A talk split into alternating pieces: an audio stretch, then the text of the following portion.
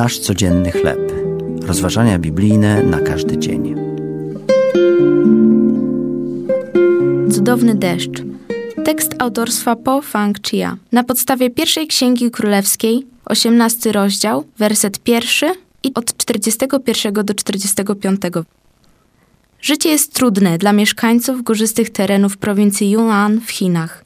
Ich głównym źródłem pożywienia jest kukurydza i ryż. W maju 2012 roku ich region nawiedziła dotkliwa susza, niszcząc uprawy. Wszyscy czuli się przygnębieni, martwili się, a jednocześnie odprawiali zabobonne obrzędy, które miały zapobiec suszy. Gdy nic im nie pomogły, zaczęli obwiniać mieszkających w ich wioskach chrześcijan, że obrażają duchy przodków. Chrześcijanie zgromadzili się na modlitwę. Wkrótce potem niebo pociemniało, a w oddali dało się słyszeć grzmoty. Lunął deszcz, który trwał całe popołudnie i noc. Uprawy ocalały. Chociaż większość mieszkańców nie wierzyła w Boga, który zesłał deszcz, niektórzy to uczynili i zapragnęli dowiedzieć się o nim czegoś więcej. W pierwszej księdze królewskiej czytamy o wielkiej suszy w Izraelu. Tym razem była ona rezultatem Bożego Sądu.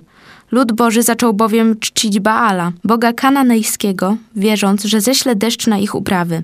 Wówczas Bóg, poprzez swojego proroka Eliasza, udowodnił, iż jest jedynym prawdziwym Bogiem, który decyduje o opadach.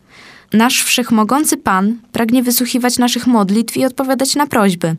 Choć nie zawsze rozumiemy Jego czas i zamiary, Bóg zawsze reaguje i zsyła nam to, co dla naszego życia najlepsze. To były rozważania biblijne na każdy dzień. Nasz codzienny chleb.